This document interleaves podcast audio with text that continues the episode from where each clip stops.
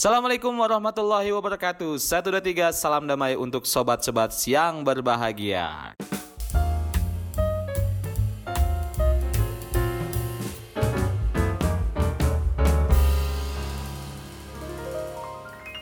Apa kabar teman-teman?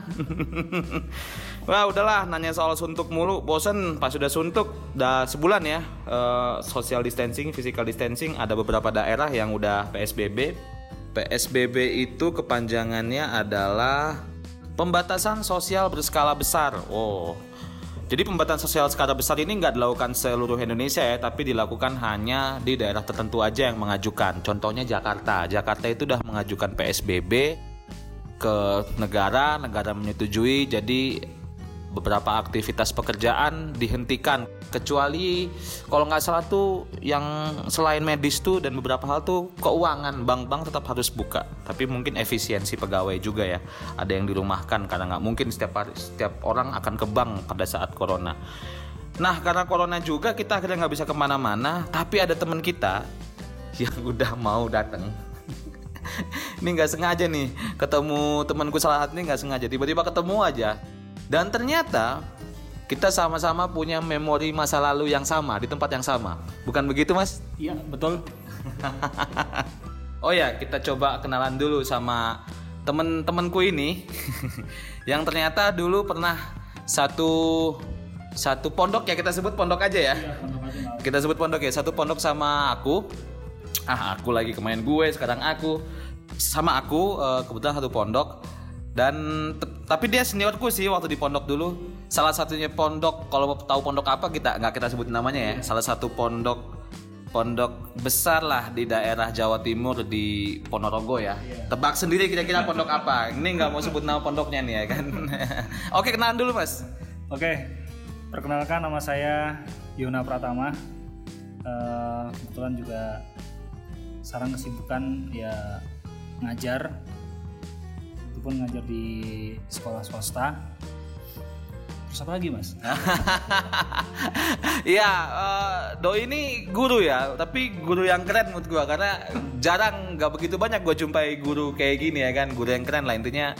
Beruntung kalian yang punya murid muridnya Mas Yona, muridnya Mas Yona, Mas.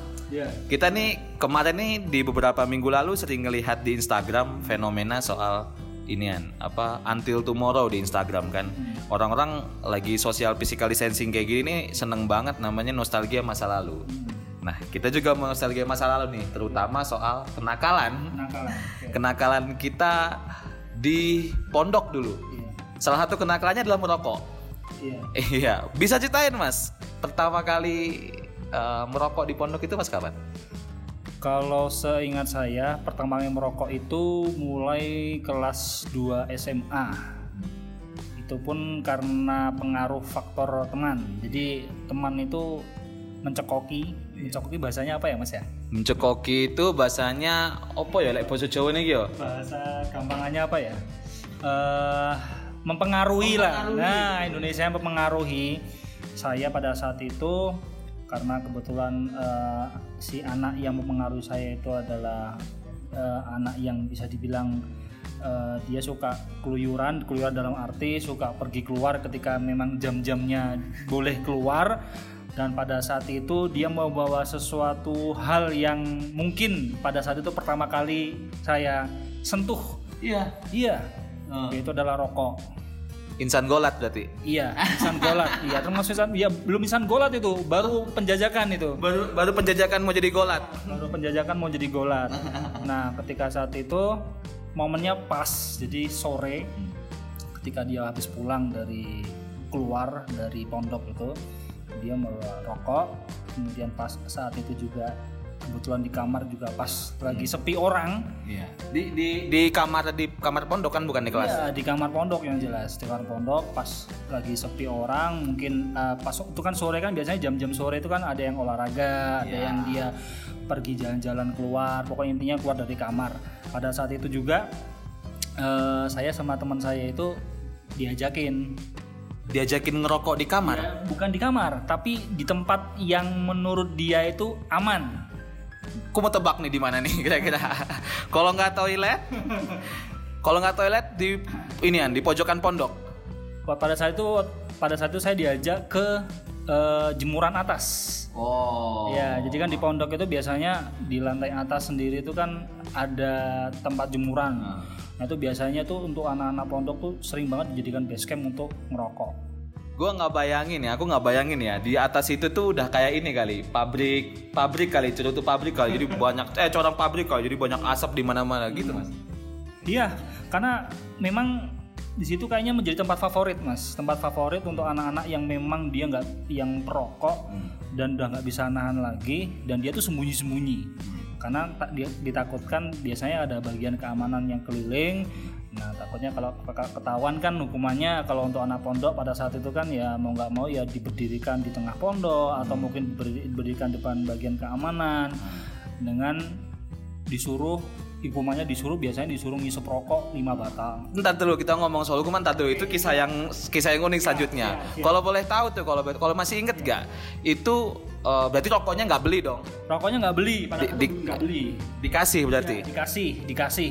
Oh, dikasih. masih inget gak itu merek rokok apa? Hmm. Dan kemudian impresi pertama kali ngisep rokok itu hmm. habis apa enggak rokoknya? Nah, pada saat itu pertama kali saya nyoba rokok mereknya gudang garam. Oke. Okay. Pada saat pertama kali saya ngerokok, saya langsung batuk-batuk karena pengalaman pertama. Hmm. Terus ya masih cupu lah istilahnya. Hmm. Baru ngisep ngisep dikit udah batuk-batuk. Hmm. Dan itu pun pertama kali pertama kali ngerokok nggak habis. Ya intinya kita joinan. Yeah. Nah, join tuh artinya ya teman saya ngerokok dulu habis itu saya. Berbagi. Iya, berbagi. Berbagi itu indah gitu.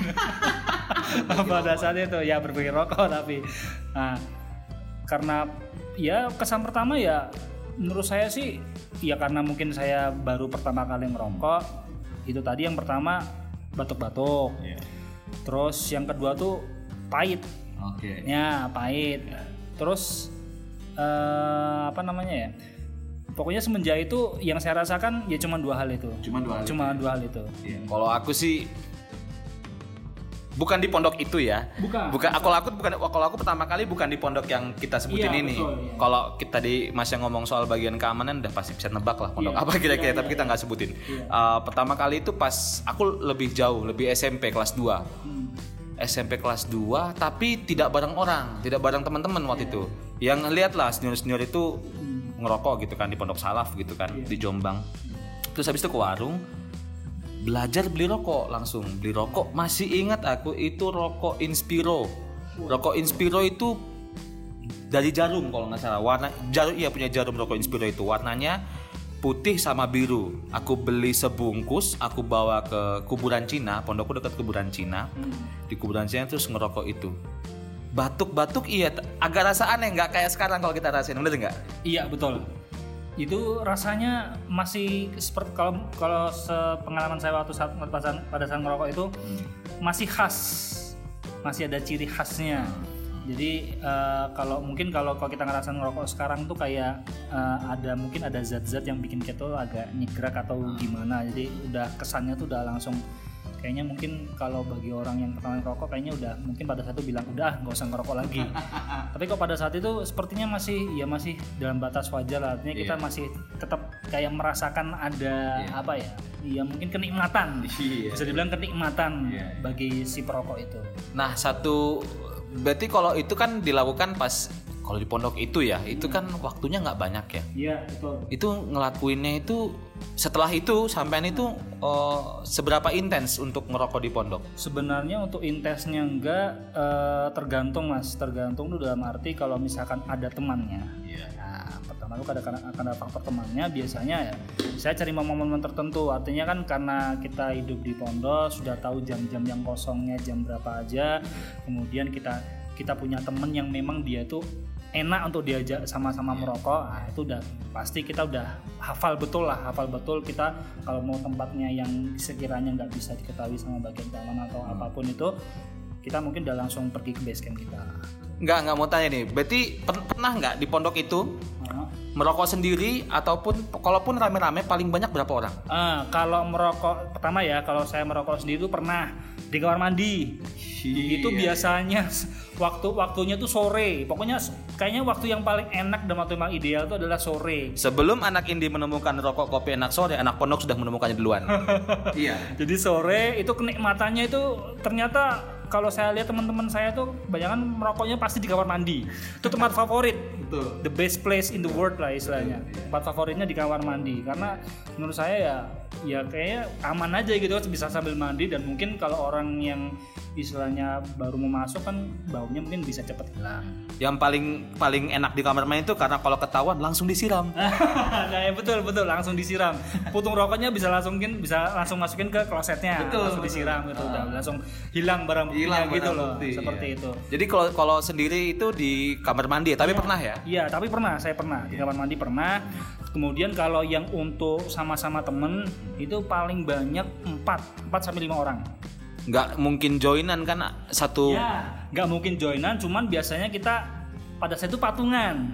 Oke. Iya, mu- mungkin pada saat itu rokok ya harganya ya hampir sama dengan sekarang, cuman kan karena kita lima orang, jadi tiap orang patungan berapa berapa ribu, dua ribu, atau tiga ribu. Terjangkau lah. Iya, pokoknya masih terjangkau untuk kita. Itu udah dapat satu, satu bungkus. Nah, nanti sisanya kita rokok bareng-bareng. Oke, oke. Pernah nggak pas lagi bareng-bareng itu satu bungkus habis?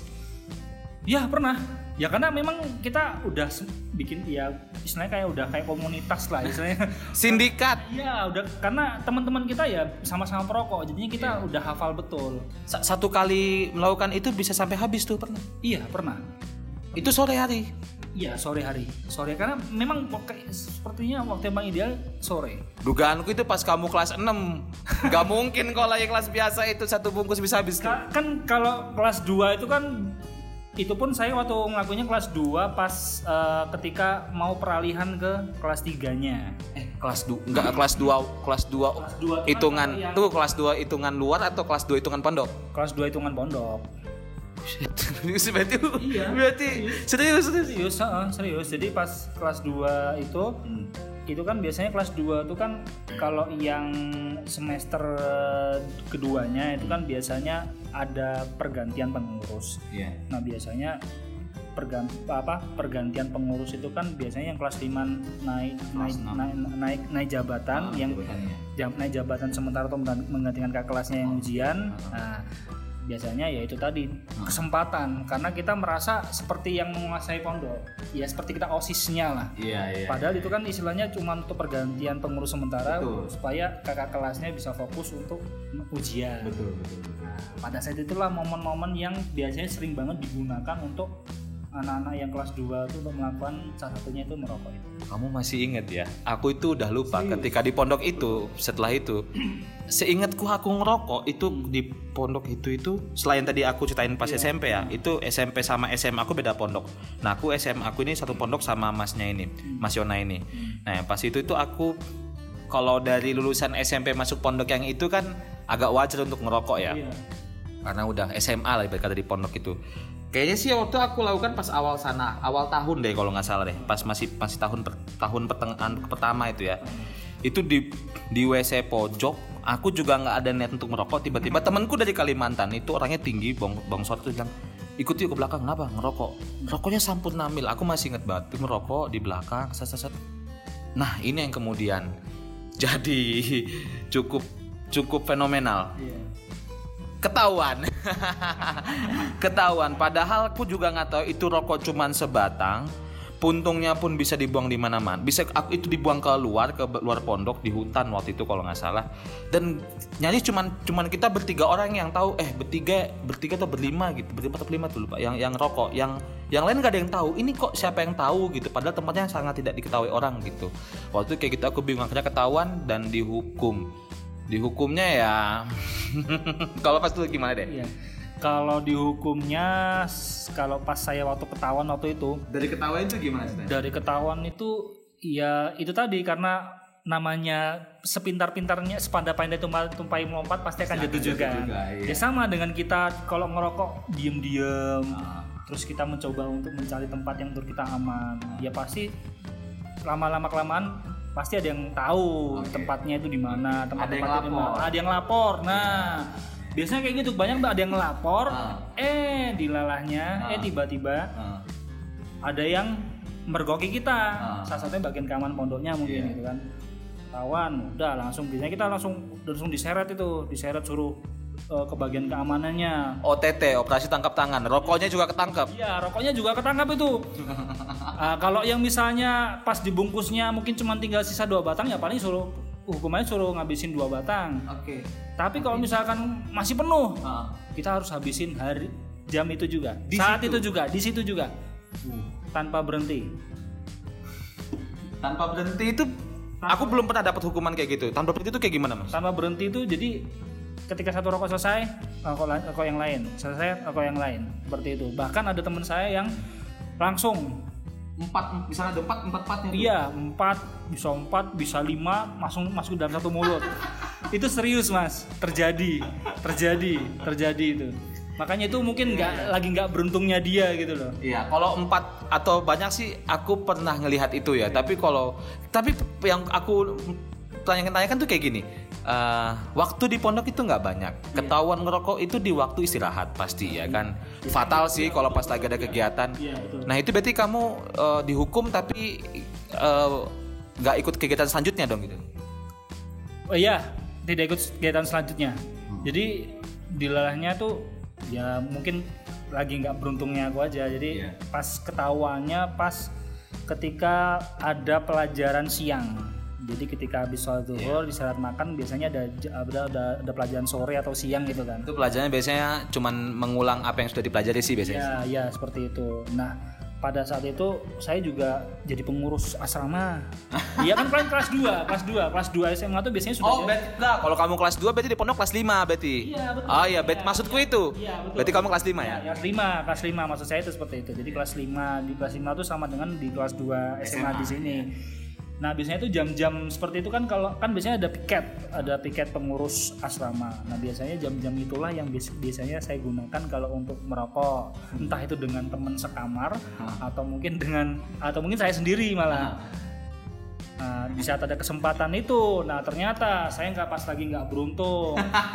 saya ngerokok di belakang asrama, Iya, terus kemudian ada bagian ada bagian keamanan pada Lewat. itu lewat. Keli- Keliling dengan Aduh. sepedanya yang membahas yang sepedanya yang itu ya. Lagi mas, dia sampai masuk asrama sampai naik cek kamar cek cek kamar ya kamar pengurus ya Iya. kamar anggota kemudian dia cek belakang belakang Tunggu, se- sebelum biar pendengarnya tahu, jadi kamar pengurus itu jadi gini, uh, yang satu misalnya satu asrama ya, satu asrama itu diurus oleh anak kelas 5 biar Iya. mereka bisa bayangin ya. Di- Masnya ini sedang kelas 5 dan jadi pengurus di asrama. Iya. Ya kan? Nah, kamarnya pengurus dengan kamarnya santri itu berbeda. Biasanya disekat, satu kamar itu disekat sama lemari. Jadi kayak kayak sekat kecil tuh buat pengurus gitu kan. Itu tempat yang tersembunyi yang nggak bisa dimasukin sama santri biasa. Iya. Hanya sesama pengurus atau sesama kelas 5 atau kakak kelas atau ustadz. itu sebenarnya tempat saya waktu ketahuan itu itu kan as- eh, asrama atau rayon ya kita nyebutnya itu itu kan dia dua lantai Iya. nah biasanya tempat yang strategis itu adalah di lantai dua Iya. nah di lantai dua biasanya kan kalau bagian kamarnya keliling dari lantai pertama dulu. Biasanya lantai pertama nggak biasanya jarang jarang sekali. Orang eh, yang yang terutama yang orang-orang yang perokok teman-teman saya itu jarang banget ada yang merokok di lantai pertama. Karena memang nggak ada tempat untuk sembunyi. Kalaupun mau di kamar mandi otomatis langsung ketahuan. Langsung ketawa. iya. Digedor-gedor kok ada bau rokok? Ah, itu pasti ketahuan langsung. Masalahnya soalnya rokok ngeluarin asap ya. Ya betul itu. Nah terus setelah dia bagian kamarnya selesai di lantai pertama langsung naik ke lantai dua. Nah di situlah biasanya sering sekali teman-teman saya atau bahkan saya sendiri sering kepergok ketahuan ngerokok di sana. Walaupun sudah dengan berbagai cara entah ditutup atau di apa pun ya biar caranya gimana nggak ketahuan. Ah. Tapi ya itu tadi karena rokok itu kan orang yang perokok kan pasti Iya. tercium dari baunya Iya, gitu. iya, iya. atau atau langsung tahu gitu. Nah, aku sudah bisa membayangkan apa kalimat yang sering digunakan oleh pengurus keamanan dalam menghukum anak kelas 5. Oh iya gimana? apa? eh, siswa kelas 5 bukan seperti Ado. iya betul. Iya betul. Biasanya ser- kata-kata yang sering diucapkan seperti itu mas. Iya, Jadi kalian itu bukan seperti Anggota. anggota. ya kalian tuh harusnya pengurus harus memberikan contoh yang baik untuk anggotanya, tapi ternyata banyak dari kita yang tidak bisa memberikan contoh yang baik. Iya iya iya. Seperti itu ya, salah satu dengan merokok ya walaupun memang sebenarnya anggota tuh juga sudah banyak yang tahu juga. Iya. Eh, aku juga punya dugaan mas ya, jangan-jangan pengurus keam- keamanan, ya ini suzon aja sih. Pengurus itu tahu dia merokok karena dia juga merokok karena tahu ciri-cirinya. Iya betul. Biasanya orang-orang yang perokok perokok itu pasti tahu lah orang-orang yang merokok tuh Iya. seperti apa gitu, kebiasaannya seperti apa itu pasti tahu mas. Iya. Ya, Tapi kita kembali dulu ke kebiasaan di pondok ya. Kelas 5 atau kelas berapa itu eh, pasti punya siasat untuk menyembunyikan rokok. Mas punya siasat nggak? Oh, pada saat itu siasat saya sangat ya awalnya sih agak lucu juga sih. Ah. Jadi saking mungkin karena pada saat itu pengalaman pertama kali, jadi kan pertamanya tadi kan saya karena dikasih rokok sama apa namanya teman saya itu. Dan yang kedua ini saya udah mulai berani beli rokok. Belinya di mana dan kapan itu biasanya? Nah, itu Ceritain lebih jelas biar lucu nih. baru mau saya mau mau bicarakan. Oke. Jadi rokoknya yang kedua itu yang kesempatan kedua itu saya ber- memberanikan beli rokok itu saya titip teman saya yang Lagi keluar. lagi keluar. Ya, Entah itu gimana caranya dia bisa dapat rokok saya nggak tahu. Yang jelas saya udah ngasih duitnya, saya titip, dia pulang. Tapi yang anehnya juga dia itu kan biasanya kalau pulang dari luar itu kan harus menghadap dulu ke bagian keamanan. Iya. Dulu. Karena kita keluar itu izin, dikasih surat izin, keluar pun ada screening. Nah, iya betul. Pas balik maksudnya, pas balik ke pondok ada screening. Iya, pas banget. Biar tidak dianggap bawa barang-barang yang aneh. Iya, berwarna aneh. Nah, pada saat itu saya udah pada saat dia mau pulang itu saya pada saat itu udah bilang, "Eh, nanti kalau kamu mau pulang, aku udah nunggu di misalnya taruhlah di di di mana di lapangan atau deket koperasi atau mana. Jadi ketika dia pulang, di barangnya udah saya ambil dulu." Iya, iya, Nah, jadi ketika sebelum pas dia mas sebelum masuk area pondok, Ah. barang itu sudah nggak ada, Sudah barang diambil. titipan apa pun itu. Iya. Biasanya seperti itu mas, gak rokok aja, mau beli barang elektronik atau apa pun majalah ya mas, majalah itu Iya, kalau yang nggak sesuai ketentuannya sana tetap tetap disita. Biasanya sih kalau anak pondok mah kalau nggak rokok inian majalah musik, Iya. lirik lagu, yang quote lagu biasanya sih. Pokoknya nggak sesuai dengan tuntunan pondok, Oh. itu biasanya langsung disita otomatis. Nah itu jadi kita punya strategi-strategi salah satunya itu. Jadi kita udah janjian dulu sama orang yang keluar. Eh nanti aku titip rokok, nanti kita ketemuan di misalnya taruhlah di lapangan, di lapangan basket atau lapangan sepak bola atau pas jam-jam sore kita keluar atau, atau biasanya nunggu di depan gapura, Gapuranya. ga- gapuranya. Jadi kita udah nyegat di situ. Ya, iya nggak tahu kenapa ya kayak kontak batin aja gitu kan dia mau pulang. Udah tahu ya? Iya, udah tahu gitu loh. Dia pulang harus pulang jam sekian karena memang ada ada, ada ketentuannya Mas. Iya, betul. Nah, ada ketentuannya. Jadi kita udah Sebelum maghrib. Ya, pokoknya sebelum maghrib. Pokoknya kita udah punya feeling dia pasti pulangnya jam sekian. Oh iya, kita harus nunggu standby. Jadi kita udah bisa ambil barangnya, baru dia masuk free, nggak nggak bawa barang apa-apa yang istilahnya nggak di nggak diperbolehkan. Nah itu nyimpennya biasanya di mana mas? Dan selama nyimpen pernah ketahuan nggak? Kalau nyimpennya biasanya pinter-pinter kita sih mas. Kalau Triknya triknya biasanya? Kalau saya dulu punya lemari yang memang punya ruang bawah tanah. Jadi kot apa lemari saya itu di bagian bawahnya itu biasanya ada tempat tempat khusus di sana nyimpen barang-barang yang memang eh, kalau misalnya ada bagian keamanan atau apa lihat itu langsung disita. Jadi kita punya ruangan khusus. Oke. Dan dan itu pun gimana caranya kita akali. Jadi biasanya ditutupi dengan ember, pakaian Oke. kotor gitu kan. Oke, oke, Jadi kan oke. kalau bagian keamanan atau bagian pengasuhan yang pengen ngecek, wah ini paling bagian kotor. Padahal di bawahnya ada rokok, ada apa gitu kan. Seperti itu mas, itu trik Iya, saya iya, waktu iya, itu. Yang kedua sempat ada teman saya yang ketahuan Ah. dia punya ruang bawah tanah atau ruang apa pun itu di lemarinya. Hmm. Terus pada akhir terus pada akhirnya kalau yang masalah rokok itu atau barang apa pun dia sembunyikan di saku baju. Jadi kan baju, iya di saku baju. Jadi kan di lemarinya itu kan ada tempat gantungan baju tuh. iya. Nah, dia taruh di anu apa namanya? Di, Diselipin di situ. diselipin di situ. Oh. Dia diselipin dia. Karena pengurus ber- berkira nggak mungkin ditaruh di situ ya? Iya, nggak mungkin ada di situ. Terlalu mudah untuk taruh. Iya, terlalu mudah untuk taruh di situ. Iya iya iya. Dan, dan itu nggak ketemu tuh? Dan itu yang dilahnya nggak temu mas. Ya mungkin cuman asal ngecek aja gitu. Itu iya sih. Iya saya juga heran juga tuh kok. Padahal kalau kita yang kita yang biasanya orang biasa yang teliti itu harusnya ketahuan itu.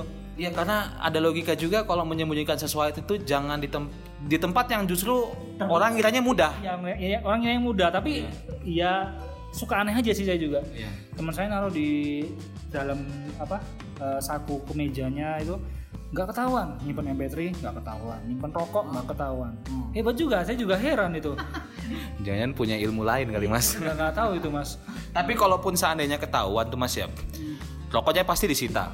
Iya betul. Rokok pasti disita. Hukuman paling kalau rokok tuh kayaknya waktu itu nggak mungkin dikeluarkan kan mas ya? enggak kalau rokok pada situ pada saat saya di sana nggak dikeluarkan nggak sampai dikeluarkan. Karena menurut saya belum pelanggaran yang paling berat sih. Iya. masih pelanggaran ringan Masih bisa ditoleransi. masih bisa toleransi Tapi- paling hukuman paling ringan ya kita suruh bersihin kamar mandi lah Iya. terus suruh bersih bersih mungkin bersih bersih bagian keamanan Iya. atau pokoknya intinya, intinya suruh bersih bersih lah mas bersih bersih pondok terus nanti setelah bersih bersih kita suruh tanda tangan Iya, absensi. selama ya selama satu minggu atau selama dua minggu paling seperti itu paling ringan mas Betul, betul, betul. paling ringan terus kalau paling agak berat tuh ya Botak.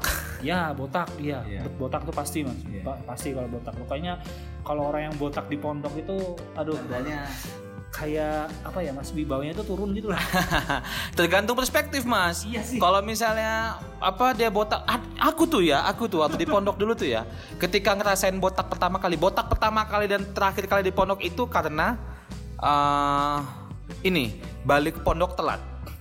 Balik ke pondok itu melampaui batas waktu ketika liburan. Sudah ada surat izin dari orang tua, tapi kemudian beberapa hari kemudian, seminggu setelah itu atau dua minggu setelah itu, bagian pengasuhan manggil semua santri yang balik telat untuk ditanyain alasan pastinya konkretnya kenapa kamu balik ke pondok. Kalau misalnya nggak ada yang logis, udah langsung dibotak. Tapi bangga abis itu kayak, wow botak men gitu-gitu. Iya sih, saya juga heran sama anak-anak pondok pada saat itu kok kalau botak tuh kayaknya merasa gimana ya?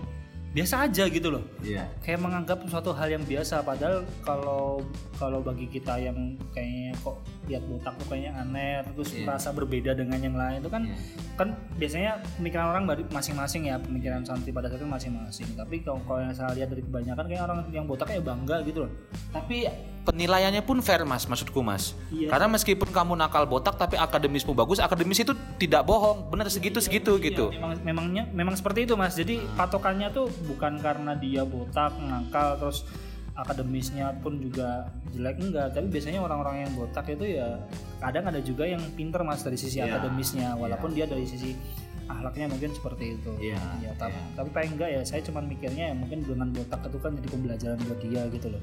Kalau mas botak berapa kali karena rokok? kalau botak berapa kalinya ya masih bisa dihitung jari sih mas. Berarti lebih dari satu dong.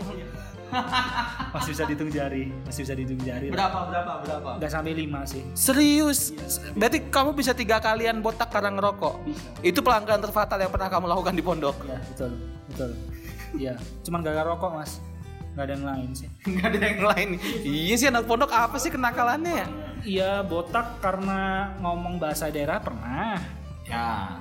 Itu nggak tahu kok saya tiba-tiba langsung disuruh botak. Waduh. Padahal salahnya cuma ngomong bahasa daerah dikit mas. Waduh, saya langsung botak. Tapi yang paling yang paling ini sih, yang, ber- yang menurut saya paling bergengsi sih ya gara-gara rokok itu. Gara-gara ngerokok ya. Itu udah pasti mas. Adrenalin Hukuman juga. Iya, hukuman paling berat tuh biasanya botak. Udah itu. Kalau udah botak tuh, waduh ribet mas. Harus pakai peci terus kan? Bahkan ketika lari pagi yang keluar pondok pun harus pakai peci. Iya.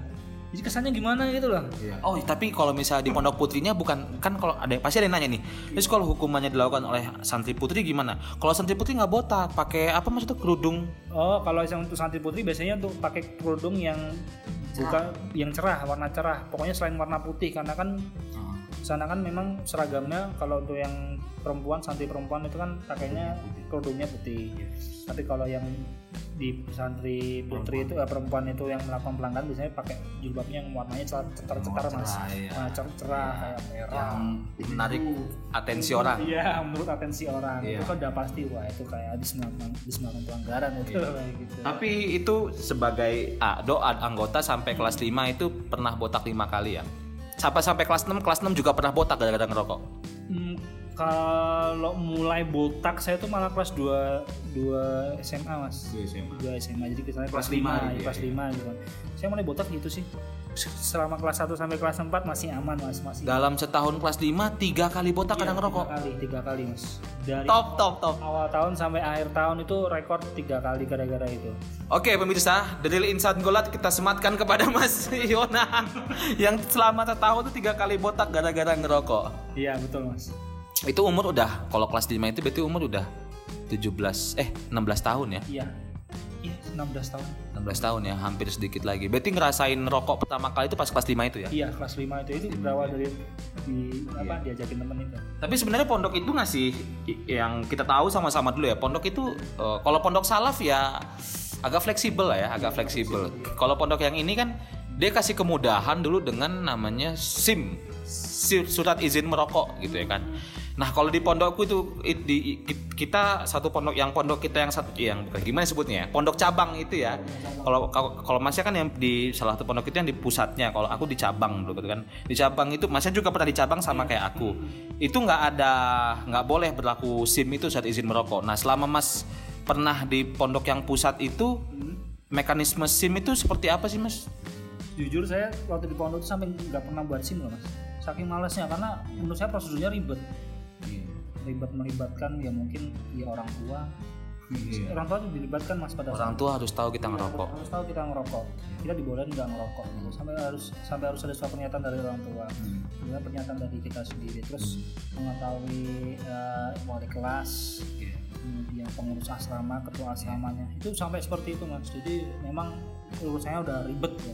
tapi eh, itu apa namanya eh, karena ribet tapi bukan berarti nggak ada yang nggak punya sim dong?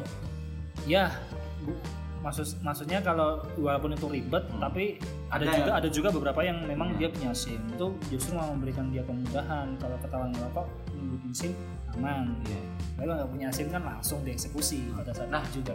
itu yang punya sim berarti nggak satu pon satu pondok ibaratkan kita ke persenan paling cuman satu persen ya? Cuma satu persen. Dari ya mungkin mulai mulai dibolehkan bikin SIM mungkin kelas 1 SMA kelas 4 Iya kelas 4 itu biasanya banyak yang ya mungkin rata-rata nih mas anak-anak yang taksipi taksipi itu istilahnya lulusan tamat ya intensif yang tam- yang masuk ke pondok tapi Dari dia SMP. dari SMP. kayak aku dulu Yes, itu biasanya kayak gitu mas. Rata-rata memang karena dia udah ter- terpengaruh dari S- eh, waktu di SMP di luarnya itu, kemudian masuk ke pondok, jadi masih ada kebiasaan-kebiasaan dari luar yang masuk ke pondok, ya sah saja dengan masih yang merokok. oke Kebanyakan itu mas yang bikin yang bikin sim.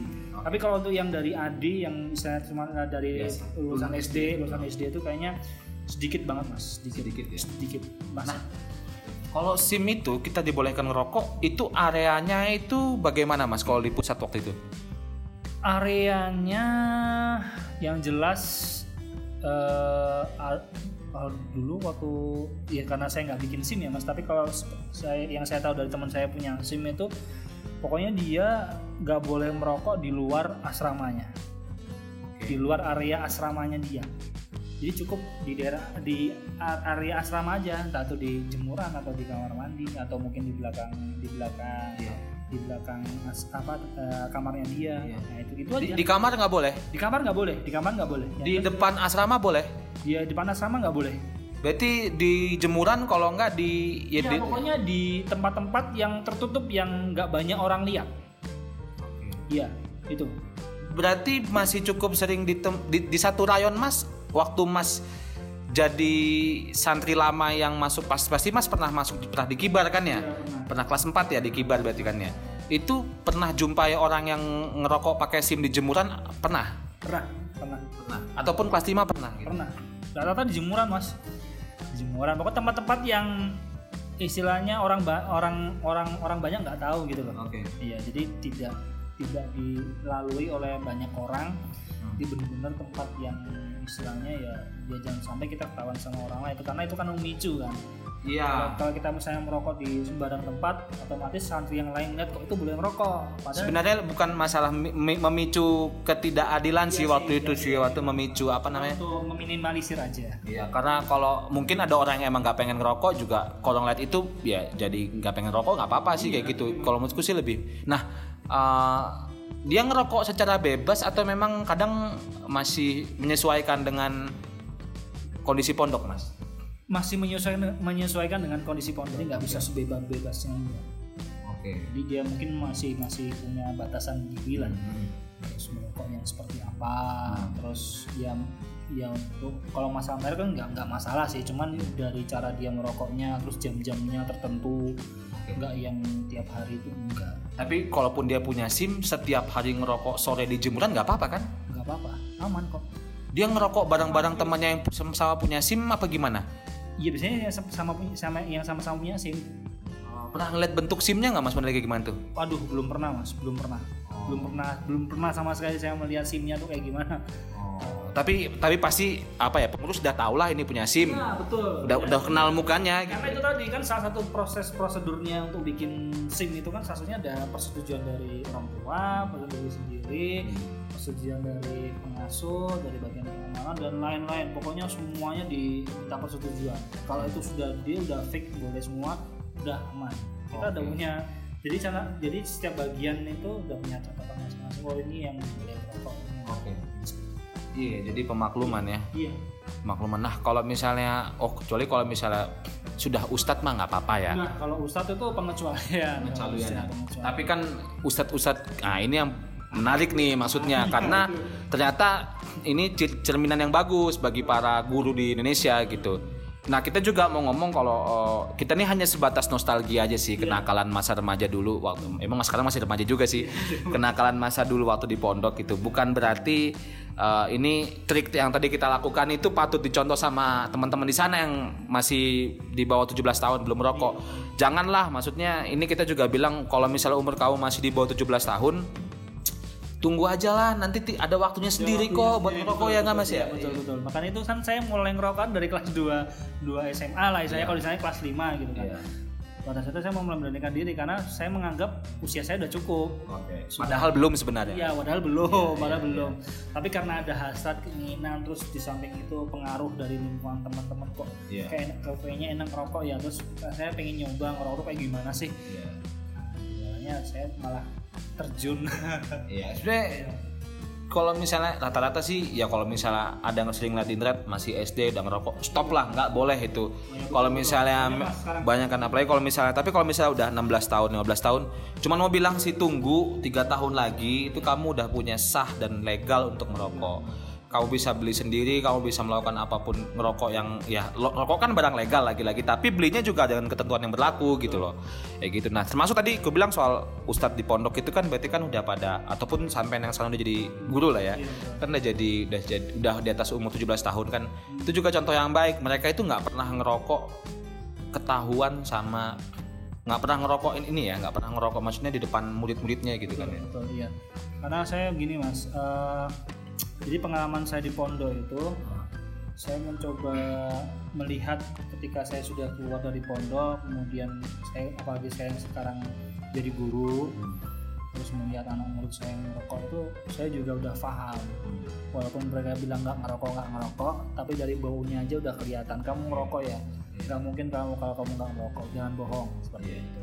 Saya sih tidak pernah mempermasalahkan mas. Cuman yang saya permasalahkan adalah dia merokoknya nggak sesuai dengan tidak tidak sesuai dengan tempatnya Oke. jadi kan kalau di sekolah itu yang memang idealnya di sekolah itu tempat untuk belajar bukan Iya. untuk merokok kalau di luar sekolah monggo silakan Ya meskipun nggak diperkenankan juga sih. kalau- Iya, kalau walaupun kalau di luar juga nggak diperkenalkan juga, tapi sebenarnya kalau kalau yang yang saya miriskan juga banyak banyak dari anak-anak sekarang tuh kayak tuh SMP, SMA, SMK dan sebagainya yang merokok itu kayaknya nyamannya di sekolah gitu.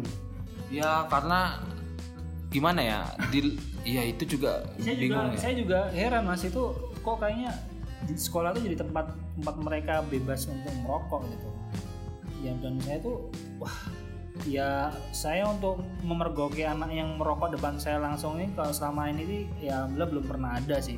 Cuman yang jelas dari baunya itu udah kelihatan dan saya udah udah, udah tahu mana yang yang anaknya sering yang merokok atau enggak tuh saya tahu. Dari baunya kelihatan terus dari bibirnya nah, tuh kelihatan. Tapi kan eh, kita udah jadi di atas umur 25 tahun lah ya. Jadi orang yang menuju ke orang-orang tua lah ya.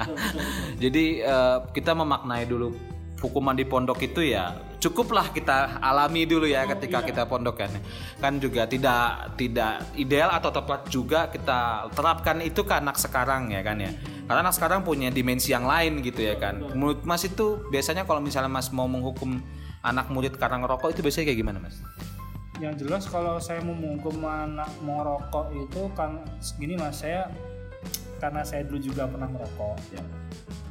Yang jelas pertama saya nasihati dulu Ya. saya nasihati kamu kenapa ngerokok Ya.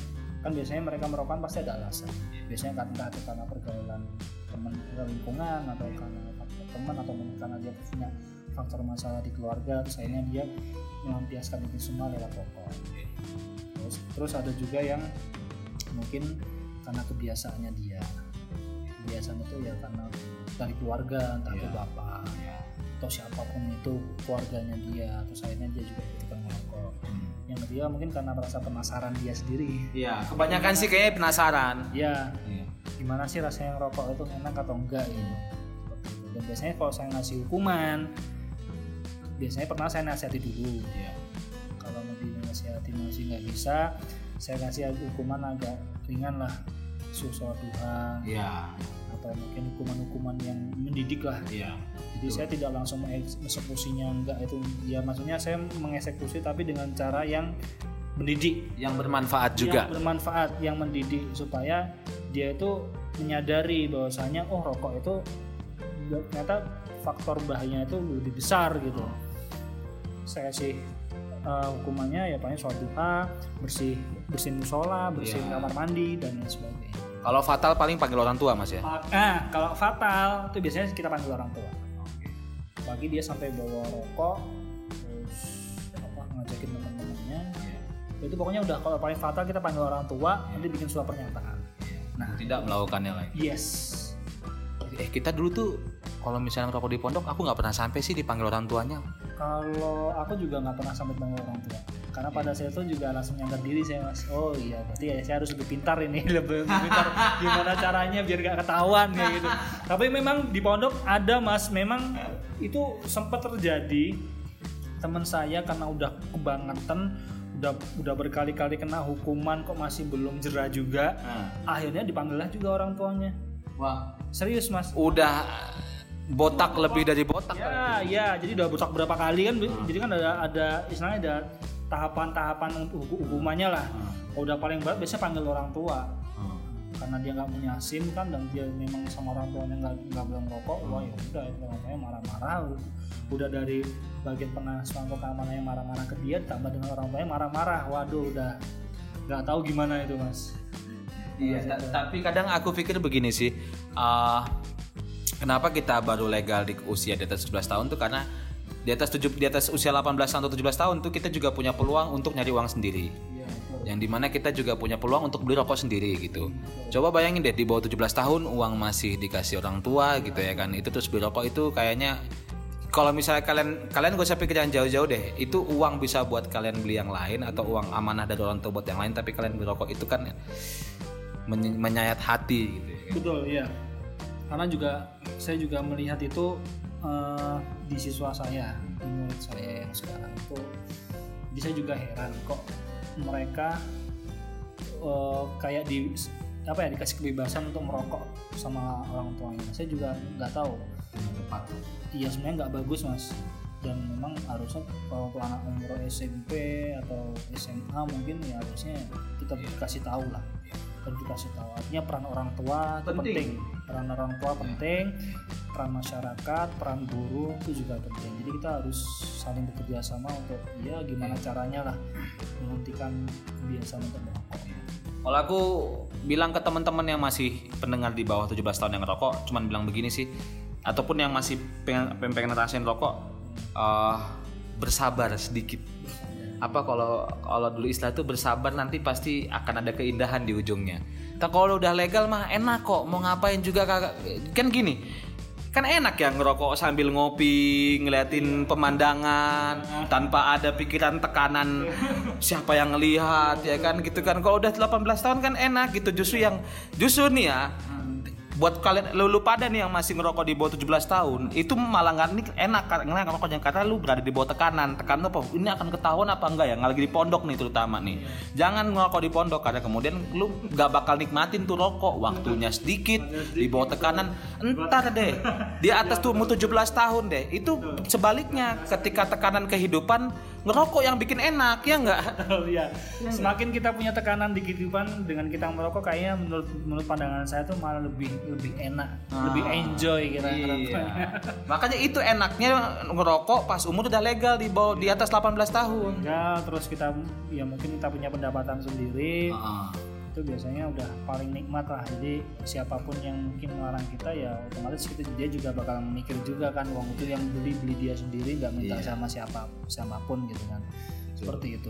Iya, jadi ya ini hanya kisah-kisah kenakalan Iya. waktu remaja. Ti- sekali lagi disclaimer tidak layak dan tidak patut untuk dicontoh untuk kelakuan apa yang kita lakukan. Kita cuman hanya ngasih tahu share ke teman-teman eh, dari apa tindakan kita yang tidak diperbolehkan ada konsekuensinya. Kita sudah kita sudah me- apa ya men- menghadapi beberapa konsekuensi-konsekuensi itu yang kita juga sadari di umur sekarang itu adalah hukuman buat kita. Sekali lagi jangan merokok di bagi kalian yang masih di bawah umur jangan merokok ya kan ya. Tidak ada keenakan merokok di bawah umur ya kan ya. Ya doing whatever that you want asal nggak hal-hal yang dilarang deh. Nanti kalau misalnya udah lulus, udah udah misalnya udah di atas 17 tahun, sok silakan atuh mau ngapain gitu, bertanggung jawab. Tapi tapi sebagai closing statement juga di atas 17 tahun meskipun kalian punya hak untuk merokok, jangan semena-mena juga. Kita harus jadi perokok santun. Ada ada aturan-aturan etika dan yang harus kita kita kita apa kita taati kayak misalnya jangan merokok sambil berkendaraan. Ya kan? Terus jangan merokok di dekat anak kecil jangan ngerokok di zona yang terlarang seperti sekolah terus kemudian eh, rumah sakit dan yang lainnya. Itu udah diatur sama undang-undang. Kalau misalnya kalian tidak mentaati itu ya sama aja bikin rokok nggak enak. Rokok kalian beli harga 25.000 ribu tapi habis itu kalian kena denda. Bisa berapa ratusan ribu ya kan? Begitu aja ada closing statement mas. Mungkin pakai apa-apa gitu closing statement? Eh, kalau closing statement saya ya intinya lakukanlah suatu hal tapi yang bertanggung jawab. betul mau apa pun itu mau merokok ataupun mau hal-hal yang positif hal yang negatif karena semua apa yang kita lakukan itu pasti ada konsekuensinya dan kita sendiri yang menanggungnya. Jadi jadi orang yang bijak jadi orang yang bertanggung jawab. Jadi bukan permasalahan kita merokok, merokok boleh atau enggaknya yang jelas intinya tergantung dari kitanya sendiri pemikiran kita sendiri Mm-mm. Jadi bertanggung jawab ya. Makanya itu udah bener gua ngundang guru di sini tuh. Closing statementnya itu sangat mendidik sekali ya kan ya. Oke terima kasih eh, buat para pendengar sekalian. Udah berapa menit nih? Lumayan tercerahkan gitu jadi nostalgia masa-masa lalu ya. Terima kasih teman-teman. Eh, sampai jumpa di episode selanjutnya. Semoga diberi keberkahan dan kesehatan selalu. Uh, banyak aktivitas yang teman-teman bisa lakukan ketika masa seperti ini. Ya dengerin podcast kita. Salah satunya terima kasih buat pendengar yang masih setia. Sudah 4 episode dan sampai 5 episode ini udah dengerin kita. Kita akan hadir untuk teman-teman semua di podcast Rokok Indonesia. Assalamualaikum warahmatullahi wabarakatuh. 1, 2, 3 salam damai untuk sobat-sobat yang berbahagia. Dadah